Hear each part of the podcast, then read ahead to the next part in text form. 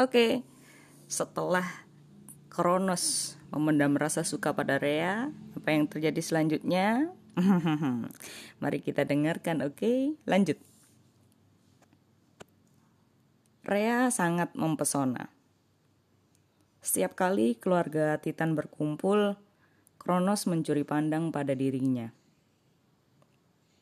Kalau dia memperhatikan ada pria lain yang menggodanya, dia akan menarik mereka ke sisi untuk berbicara empat mata dengan sabit di tangannya dan memperingatkan mereka untuk jangan pernah melakukannya lagi. Kronos menyukai cara Rea tertawa.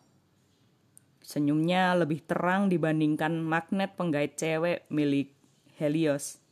Eh, maksudku matahari.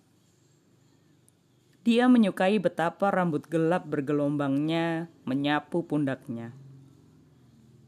Matanya sehijau padang rumput dan bibirnya ya Kronos memimpikan tentang mengecup bibir itu. Selain itu, Rea sungguh manis, baik hati, dan semua orang menyayanginya. Kronos berpikir, Seandainya aku memiliki istri seperti itu, keluargaku takkan terlalu takut padaku. Mereka akan mengunjungi istana lebih sering.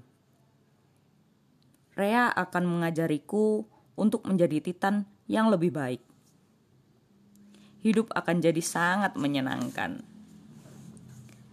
Tapi sebagian dirinya berpikir, "Tidak, aku tidak bisa menikah karena adanya kutukan bodoh itu.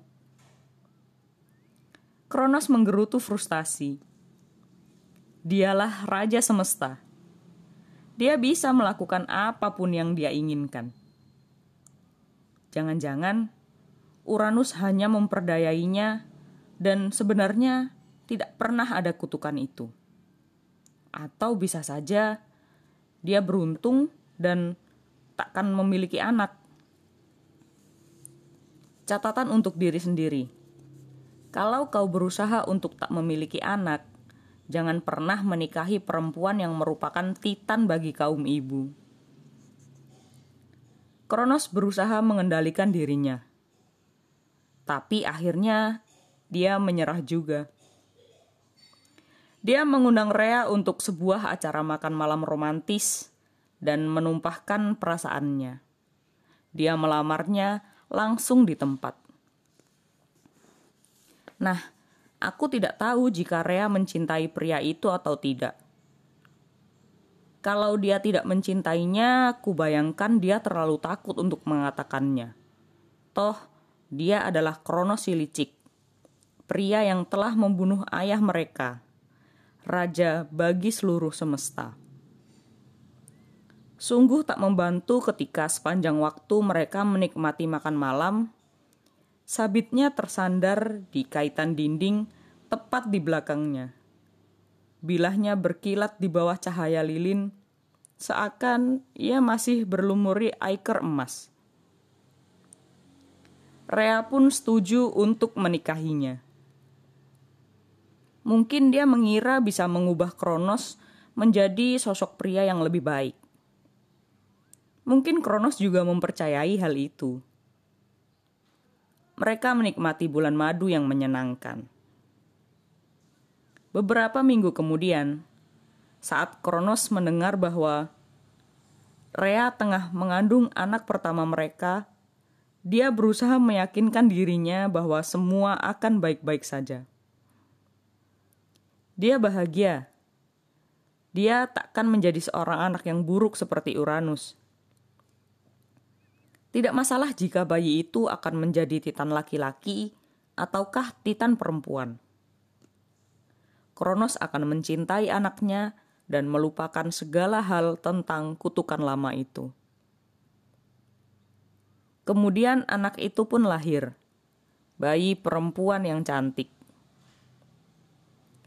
Rea diam-diam merasa khawatir jika anaknya terlahir sebagai Cyclops atau para tangan seratus. Mungkin Kronos pun mengkhawatirkan itu. Tapi tidak, anak itu sempurna. Malahan anak itu agak terlalu sempurna. Rea menamainya Hestia. Dia membedong bayinya dalam selimut lembut dan menunjukkannya kepada ayahnya yang bangga. Pada awalnya, Kronos tersenyum. Anak itu bukanlah monster, asik.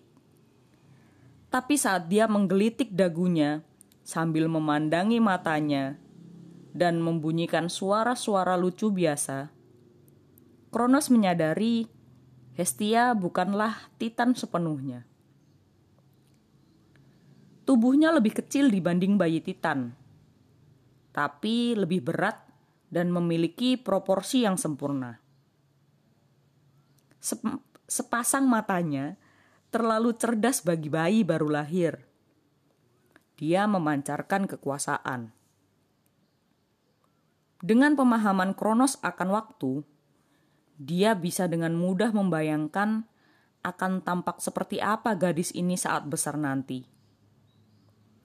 Tubuhnya akan lebih kecil daripada Titan, tapi mampu melakukan hal-hal besar. Dia akan mengalahkan Titan mana pun dalam hal apa pun yang ingin dilakukannya. Hestia tampak seperti versi baru Titan. Titan 2.0 inovasi terbaru. Bahkan dia bukanlah lagi Titan. Dia adalah Dewi, anggota pertama dari seluruh cabang baru evolusi makhluk abadi. Memandanginya, Kronos merasa seperti sebuah telepon genggam lama yang tengah memandang telepon pintar model termutakhir dia pun tahu hari-harinya akan segera berakhir. Senyum seorang papa yang bangga pun memudar. Anak ini tidak boleh dibiarkan tumbuh dewasa. Kalau tidak mau ramalan Uranus jadi kenyataan. Kronos harus segera, segera mengambil tindakan. Dia tahu Rea takkan pernah membiarkan anaknya dibunuh belum lagi, dia selalu membawa singa-singa bodoh itu bersamanya seperti biasa. Kronos tak bisa bertarung di ruang singgah sana. Lagi pula, dia tak bisa meraih sabitnya sambil menggendong bayinya. Dia harus melenyapkan Hestia dengan cepat dan pasti. Dia membuka mulutnya, super lebar, lebih lebar dari yang bahkan bisa dibayangkannya rahang bawahnya membuka seperti salah satu ular raksasa yang dapat menelan sapi. Dia memasukkan Hestia ke dalam mulutnya dan menelannya utuh. Hanya telan. Dan dia pun hilang. Seperti yang bisa kau bayangkan, Rea benar-benar kaget. Bayiku, dia menjerit. Kau, kau sungguh Oh wow, Kronos bersendawa. Salahku, maaf. Mata Rea membelalak. Dia menjerit lagi. Dia ingin menerjangkan tubuh ke arah Kronos dan meninjunya. Atau memerintahkan singa-singanya untuk menyerang. Tapi dia takut akan melukai bayi yang sekarang tersangkut di dalam tubuhnya. Batuklah dan keluarkan dia Rea memerintahkan Kronos. Tidak bisa. Aku punya perut yang sangat kuat. Begitu ada yang masuk, ia tak akan bisa keluar lagi. Jawab Kronos. Bagaimana kau bisa menelannya? Itu adalah anak kita. Ya, soal itu... Dengar, Say. Segalanya tak akan berhasil dengan anak itu. Kronos berusaha terlihat menyesal. Berhasil? Tanya Rea. Ada sebuah kutukan. Kronos menceritakan kepadanya tentang apa yang diramalkan Uranus. Ayolah manis, bayi itu bahkan tidak tampak seperti Titan semestinya. Dia pembawa masalah. Aku bisa merasakannya anak berikutnya akan lebih baik. Aku yakin itu. Ini terdengar sangat masuk akal bagi Kronos. Tapi entah mengapa Rea tidak merasa puas. Dia berderap pergi dengan penuh kemarahan. Kau tentu mengira Rea tak akan pernah memaafkannya. Maksudku, suamimu baru saja melahap anak pertamamu seperti hamburger. Ibu tipikal takkan mungkin bisa melupakannya. Tapi situasi Rea rumit. Pertama, Kronos menelan bayi Hestia dengan utuh. Hestia, sama seperti orang tuanya. Secara teknis, makhluk yang hidup abadi. Dia tak akan bisa mati, walaupun di dalam perut ayahnya. Menjijikkan tidak berada di dalam sana. Yap, agak membuat klaustrofobia. Tentu, tapi fatal? Tidak. Dia masih hidup. Rea menghibur dirinya aku bisa menemukan jalan untuk mengembalikannya. Itu sedikit menenangkannya, meski dia tak punya rencana. Dia tak bisa menggunakan kekuatan paksaan untuk meraih keinginannya. Rea adalah sosok dewi yang lemah lembut. Kalaupun dia berusaha bertarung, sebagian besar titan terkuat seperti Hyperion dan si dungu besar Atlas itu akan mendukung Kronos. Dia tidak bisa mengambil resiko melakukan serangan diam-diam dengan pisau atau sabit atau bahkan dengan singa-singanya. Karena itu mungkin akan melukai bayinya. Mungkin kau akan berpikir, tunggu dulu. Kalau anak itu hidup abadi, lalu kenapa Rea takut melukainya. Tapi begini, makhluk abadi pun bisa dicederai, dibuat cacat, atau dimutilasi. Sebuah kecelakaan mungkin takkan membunuh mereka, tapi mereka juga tak selalu bisa pulih dari kerusakan. Mereka bisa saja cacat untuk selamanya. Kau akan lihat contoh itu nanti. Rea tak ingin membelah perut Kronos dan beresiko mencincang bayinya. Karena tubuh tercincang bukanlah cara untuk hidup, terutama bila kau hidup untuk selamanya. Dia tidak bisa menceraikan Kronos, karena belum ada yang menciptakan perceraian. Kalaupun sudah ada, Rea akan terlalu takut untuk mencobanya. Bisakah kau menyalahkannya? Sepertinya yang mungkin sudah kau sadari, Kronos adalah sosok yang sinting Rea sudah mengetahui fakta itu semenjak dirinya mencincang ayah mereka dengan bilah sabit. Kemudian berjalan-jalan di pesta perayaan dengan kemeja bernoda ikernya sambil berteriak. Pembunuhan yang hebat bro. Tos. Dia tak bisa melarikan diri. Karena Kronos adalah raja seluruh dunia kecuali dia mau melompat ke dalam Tartarus dan mungkin itu tidak diinginkannya. Tak ada tempat lagi untuk berlari. Taruhan terbaiknya adalah untuk bersabar, menghitung waktu, dan menanti hingga dia menemukan jalan untuk mengembalikan Hestia. Kronos berupaya bersikap manis kepadanya. Dia membelikannya hadiah-hadiah dan mengajaknya makan malam keluar. Seakan-akan itu bisa membuatnya lupa tentang bayi di dalam perutnya.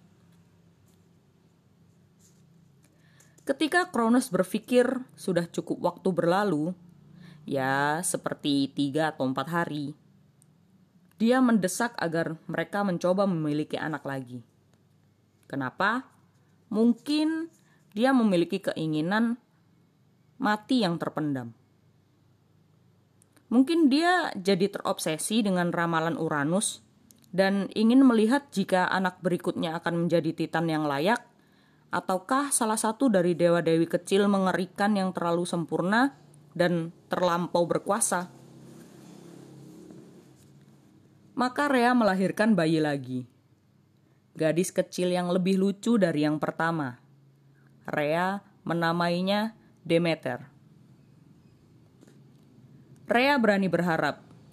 Demeter begitu menggemaskan.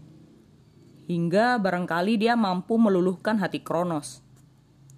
Dia tak mungkin merasa terancam oleh bayi kecil pembawa kegembiraan ini. Kronos meraih anak itu dalam gendongannya dan langsung saja melihat bahwa Demeter adalah sesosok dewi lagi. Dia bersinar dengan aura yang bahkan lebih kuat dari Hestia.